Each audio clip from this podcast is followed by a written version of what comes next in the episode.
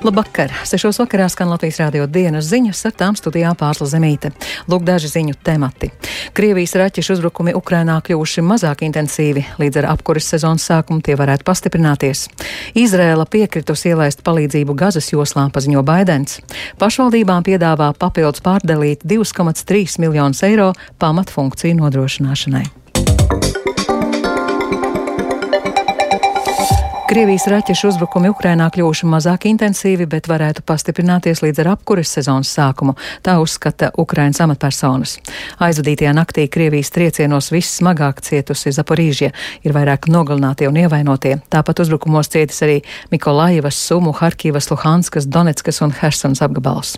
Tikmēr sīvas cīņas turpinās visā frontes līnijā, valsts austrumos un dienvidos, savukārt Melitopolis un Bahmutas virzienā Ukraiņi soli pa solim turpina ofensīvu ofensīvu, mēģinot atbrīvot Krievijas karaspēka okupētās teritorijas. Bet Lielbritānijas aizsardzības ministrija šodien ziņoja, ka Krievija iespējams ir sākusi saskaņot ofensīvu vairākos virzienos austrumu Ukrainā. Tas tiek raksturots kā spēcīgākais uzbrukuma vilnis pēdējos mēnešos. Ukraiņi sekmīgi pārbaudījuši no ASV saņemtās atakāms raķetes uzbrukumos Krievijas karaspēka militārajiem objektiem okupētajā Berģanskā un Hanskā. Šīs raķetes strādā 165 km darbības rādījusā. Stāst Ukrainas bruņot bruņoto spēku operatīvās pavēlniecības dienvidi pārstāve Natālija Humeņuka. Це посилить наш контрнаступ, тому що основне контрнаступ Tas stiprinās mūsu pretuzbrukumu, jo pamatā pretuzbrukuma mērķis ir iznīcināt ienaidnieka pozīcijas dziļā viņa iekšienē. Tas ir galvenais elements, kurš nodrošina iespēju pēc tam aktīvāk strādāt frontes līnijā un virzīties uz priekšu. Ņemot vērā, ka tad, kad ienaidnieks aktivizē aviāciju, bija skaidrs, ka nepieciešams uzbrukt tajos virzienos, kas nodrošina viņu vajadzības.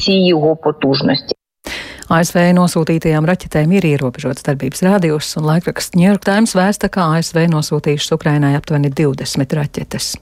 Sašutumu un nosodījumu visā pasaulē izpelnījies raķetes trāpījums slimnīcai Gāzes pilsētā, kurā gājuši bojā vismaz 400 cilvēku un vairāk nekā 300 ievainoti. Šobrīd gan no neatkarīgiem avotiem nav iespējams apstiprināt nec bojā gājušo skaitu, nec to, kas raķeti izšāvis.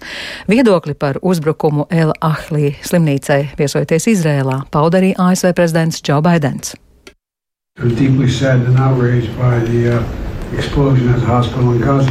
Vakardienas sprādziens Gazas slimnīcā mani dziļi skumdina un izsauc niknumu. Balstoties uz to, ko esmu redzējis, izskatās, ka to pastrādāja otra komanda, nevis jūs. Bet ir daudz cilvēku, kuri par to nav tik pārliecināti. Tāpēc mums pie tā būs jāstrādā. Mēs arī pastiprināsim centienus, kas vērsti uz dzīvību glābšanu, lai palīdzētu nevainīgiem palestīniešiem, kuri ir ierauti šajā situācijā.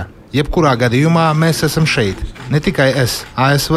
Tas nav tikai spēka piemērs, tas ir piemēra spēks, kas te jau ir tikpat svarīgi. Pasaule vēro, Izrēlā ir vērtību kopa, tāpat kā Amerikas Savienotajām valstīm un citām demokrātijām, un viņas vēlas redzēt mūsu tālākos soļus.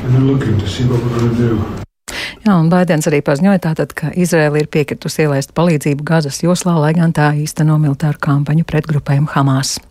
Karstas diskusijas par situāciju Izrēlā un Gazas joslā šodien notika Eiropas parlamentā. Daļa deputātu aizstāvēja Izraels rīcību, citi sacīja, ka Izraels atbilde ir neproporcionāla.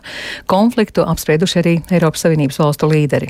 Turpina Eiropas parlamenta konservatīvo grupas deputāts no Zviedrijas Šarlī Vemešs un kreiso grupas vadītāja Manona Orbī. Je vous le redis, Madame von der Leyen, le droit légitime à la défense Es atkārtoju, likumīgas tiesības uz pašaizstāvību nav tas pats, kas tiesības uz atriebību. Uz kara noziegumiem nedrīkst atbildēt ar kara noziegumiem. Mēs nesodām cilvēkus kolektīvi par noziegumiem, ko viņi nav pastrādājuši.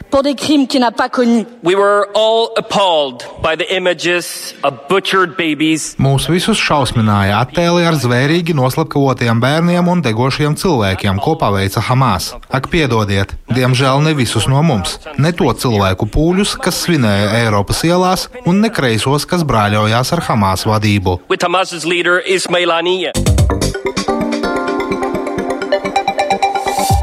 Latvijā.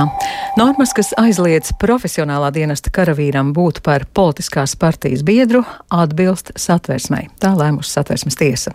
Tās lēmums attiecas tieši uz karavīru dalību partijā, tiesa nav pievērsusies jautājumam par dalību cita veida politiskos pasākumos.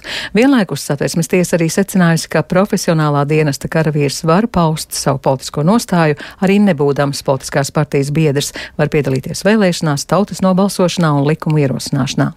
Satversmes tiesas priekšstādātājs Andris Laviņš, skaidrojot spriedumu, uzsvēra, ka šāds ierobežojums nenozīmē neatbilstību satversmei. Šīs aizliegums vērsts uz Nacionālo bruņoto spēku politiskās neutralitātes saglabāšanu. Mēs zinām, ka politiskā darbība vienmēr ir saistīta ar aģitāciju, ar politisko sāncensību, ar varas iegūšanu, lai īstenotu attiecīgās politiskās partijas mērķus. Un šāda darbība bruņoto spēku ietvaros var negatīvi ietekmēt valsts aizsardzības funkcijas izpildi. Un satversmes tiesa, vērtējot šā ierobežojuma samērīgumu, ņēma vērā arī ģeopolitisko kontekstu. Vienlaikus jāpiebilst, ka satversmes tiesa šajā lietā vērtējusi tikai profesionālā dienesta karavīra tiesības darboties politiskajā partijā. Citi aspekti, tajā skaitā pulcēšanās politiska rakstura pasākumos, nav vērtēti. Finanšu ministrija nākošā gada budžetā pašvaldībām piedāvā papildus pārdalīt 2,3 miljonus eiro pamatfunkciju nodrošināšanai. Vienlaikus aicina grūtībās nonākušās pašvaldības arī efektīvāk pārskatīt savus izdevumus. Pašvaldības savienība gan norādījis, ka papildus nepieciešama krietni lielāka summa, jo naudas iztrūkumu vietvarās radīs kredītprocentu, energoresursu cenu, minimālās algas un pedagoģa atalgojuma, kā arī citu izdevumu pieaugums. Ministrija sola pēc budžeta pieņemšanas pārskatīt arī kopējo pašvaldību finansēšanas sistēmu. Un plašāk Sintīs Ambots ierakstā. Pašvaldības savienības vadītājs Gins Kaminskis lēš, ka pašvaldībām pamatfunkciju veikšanai nākošajā gadā papildu nepieciešami ap 20 miljonu eiro. Kritiskākā situācija ir visās Latgales pašvaldībās. Finanšu ministriju pagaidām ietvarām sola papildu rast tikai 2,3 miljonus eiro valsts budžetā. Plānots, ka 19 pašvaldībām naudu piešķirs pēc vienotiem kritērijiem, ņemot vērā to iedzīvotāju skaita un struktūras izmaiņas un pieejamo finansējumu pēc pašvaldību finanšu izlīdzināšanas, skaidro finanšu ministrs Arvils Ašrādens no jaunās vienotības. Ja mēs skatāmies kopējo pašvaldību situāciju, tad patiesībā Latvija finansē pašvaldības būtiski vairāk nekā citas Eiropas Savienības dalību valstis. Un šī gadījumā tad ja mums jārunā jau par daudz dziļāku struktūras maiņu. Tas būtu pašvaldību izlīdzināšanas sistēmas maiņa, no restīvi garantēts izmaksu līmenis pret to līmeni, kas pašvaldībai kādas funkcijas viņai jāveic. Ja? Nu, tas mums nav šobrīd šāda algoritma. Tātad šobrīd mēs to nepārskatām, jo budžets jau tuvojās, bet šī brīdī mēs risinām šo jautājumu ar valsts budžeta piešķirts. Pašvaldību savienībā norāda, ka vietveras finanšu grūtībās nonākušas, jo nākamgad pieaugs izdevumi minimālās algas un arī pirmskolas izglītības iestāžu pedagoģu algu palielināšanas dēļ. Savukārt kredītprocentu likmju kāpums līdz šī gada beigām kopumā pašvaldībām radīs papildu 30 miljonu eiro izdevumus. Vienlaikus no nākamā gada pašvaldībām jānodrošina jaunas obligātās funkcijas, kā pašvaldību policijas izveida, kam nav noteikts valsts līdzfinansējums, saka Kaminskis. Es arī aicināju sarunu noslēgumā tomēr līdz piekdienas rītam nu, pārvērtēt vēlreiz tos jautājumus, kur tad var rast risinājumu. Jo, ja mēs pirmoreiz runātu par šiem jautājumiem, bet šoreiz jau katru gadu ir bijis tas pašvaldību finanšu samazinājums. Šobrīd ir četri gadi un pašvaldības eh, daudz kur ar uzliktajiem papildus pienākumiem var netikt galā un nedrīkst pieļaut, ka ciest iedzīvotāji. Tā otra lieta ir izmantojama fonda līdzekļi. Tā pašā laikā saistība apjoms virknē pašvaldību ir sasniedzis jau gandrīz maksimāli maksimālo iespējamo robežu. Bet te ir jāmeklē risinājumi un pamatfunkcijām ir jābūt bāzes finansējumam. Ja bāzes finansējums būtu stabils, tad mēs nediskutētu arī par šīm lietām. Sarunas par naudas trūkumu pamata funkciju īstenošanai plānots turpināt piekdienu pašvaldības savienības domas sēdē. Sinti Ambot, Latvijas radio. Veselības ministrija un Latvijas veselības un sociālās aprūpas darbinieku arotbiedrība vienojušās par ārstniecības personāla algu palielinājumu, tāpēc mediķi streiku nerīkos. Vienošanās paredz no 1. Janvāra algu palielinājumam novirzīt papildu 76 miljonus eiro, kas ir par 10 miljoniem vairāk nekā iepriekš plānots. Tas ļaus ārsta algu kāpināt par 221 eiro, jeb gandrīz 11%, aprūpes personālam pieliks 85 eiro mēnesī, jeb 6,5 punktus, bet atbalsta procentus, bet atbalsta personālam 60 eiro mēnesī, jeb 7%. Valsts varētu daļēji pārņemt ne tikai Daugaupils reģionālo slimnīcu, kurai ir miljonos mērāmi parādi, bet arī citas reģionālās slimnīcas, jo arī daudzās no tām finansiālais stāvoklis ir kritisks. Tā pavēstīs veselības ministrs Hosam Sabu Mērī no jaunās vienotības. Lai noskaidrotu, kāda ir situācija, viņš ieplānojas apmeklēt visas reģionālās ārstniecības iestādes, bet par iegūmiem no slimnīcas pārņemšanas interesēsies Zana Eniņa. Pašlaik reģionālo slimnīcu īpašnieces ir pašvaldības. Piemēram, Daugopils slimnīcas lielākā īpašniece ir Daugopils pašvaldība. Tā ir gandrīz 90% daļu, bet atlikušās pieder Augstdaugavas novadam un Rīgas Stradiņa universitātei.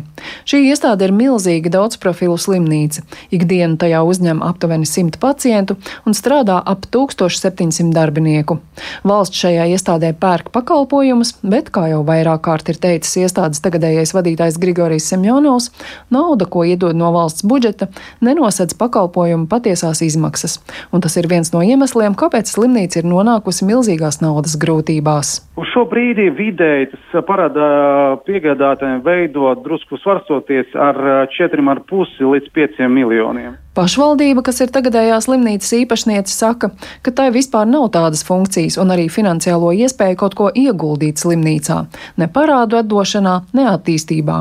Valsts kā līdzīpašnieces iesaistīšanās reģionālajām slimnīcām nodrošinātu lielāku finansiālo stabilitāti, un veselības ministrijai arī būtu lielākas iespējas veikt slimnīcu līmeņošanu vai organizēt sadarbību starp tām.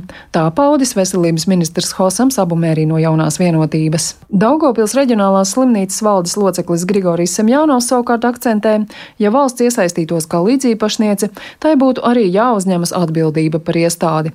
Pirms konkrētāk lemt par dalību Daugopils reģionālās slimnīcas kapitālā, veselības ministrija ir rosinājusi iestādē veikt finanšu auditu. Jāpiebilst, ka šīs slimnīcas, taču arī vairāku citu reģionālo ārstniecības iestāžu daļēju pārņemšanu valsts pārziņā, veselības ministrija jau agrāk piedāvājusi kā risinājumu, lai tās sakārtotu un uzlabotu pakalpojumu kvalitāti, taču šī iecerē nav īstenota. Zana Eniņa, Latvijas radio. Iedzīvotājiem būs iespēja izlemt par Galkalnes pagasta sadalīšanu, tā informēja Ropažu domē. Teritorijas sadalīšanu starp Ropažu un Ādažu novadu nosaka likums. Pārdalīšanas plāns paredz trīs variantus un iecerēts, ka iedzīvotāji tā vērtēšanā varēs piedalīties līdz 28. novembrim, stāsta Paula Pirmais variants platība, ko pievienot Ādažu novadam, ir nedaudz virs 28 hektāriem, un kopumā tajā ir deklarēti 56 iedzīvotāji. Otrais variants jau ir Ādažu novadam pievienotu Bukultu, Spriedkalni, Baltazaru un Sužu ciemu, kā arī nedaudz dabas teritoriju un jaunciem kapu daļu, un tas ietekmētu virs 3000 iedzīvotāju. Savukārt trešais variants ir vēl lielāks, kur klāt jau iepriekš minētajām teritorijām klāt pievienotu Priežlaju un arī pašu Garkalni un deklarēts vairāk nekā 5000 iedzīvotāju. Saimnes cilvēktiesību un sabiedrisko lietu komisija šodien atbalstīja sabiedrisko mediju Latvijas rādio un Latvijas televīzijas apvienošanu un šī jautājuma virzīšanu skatīšanai saimā. Likumu galīgajā lasīmā iecerēts pieņemt līdz februārim. Tas kopumā ar turpmāko trīs gadu budžetā paredzētu finansējumu pieaugumu sniedz pārliecību par iespējām Latvijas rādio un Latvijas televīzijas apvienošanai no 2025. gada. Aktīvu sagatavošanās procesu jaunajai ziemas sezonai šobrīd aizved Latvijas labākā distanču slēpotāja Patricija Eiduka. Viņa gatavojas iesākt savu otro sezonu trenējoties Norvēģijas komandā Akerdēlī. Pagājušajā sezonā Eiduka kļuva par pasaules kausa kopvērtējuma uzvarētāju U23 vecuma grupā, bet šo sezonu pirmoreiz startēs ārpus U23 grupas. Viņas eh, treniņu plāns pirms šīs sezonas ir kļuvis intensīvāks, ņemot vērā, ka šo sezonu nav paredzēts paredzēts ne Olimpiskās spēles, ne pasaules čempionāts. Galvenais starts būs gadu mijā paredzētā Tour de Ski seriāls. Un ar to izskan Latvijas Rādio dienas ziņas. Producents Edgars Kupčs, ierakstus montēja Renāša Steimanis par labskaņu rūpējās Ernests Valsts Jodorovs, ar jums runāja Pārsla Zemīte. Yeah.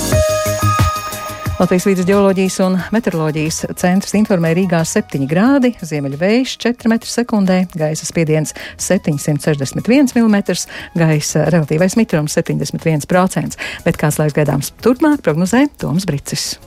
No ceturtdienas līdz sestdienai laiks kļūs vēsāks. Turpmākajās naktīs temperatūra pārsvarā mīnus 3,2 grādu robežās, lokāli vietām kurzemes vidienē un vidzemē līdz mīnus 4, mīnus 5 grādiem, bet dienās temperatūra būs plus 1, plus 7 grādu robežās.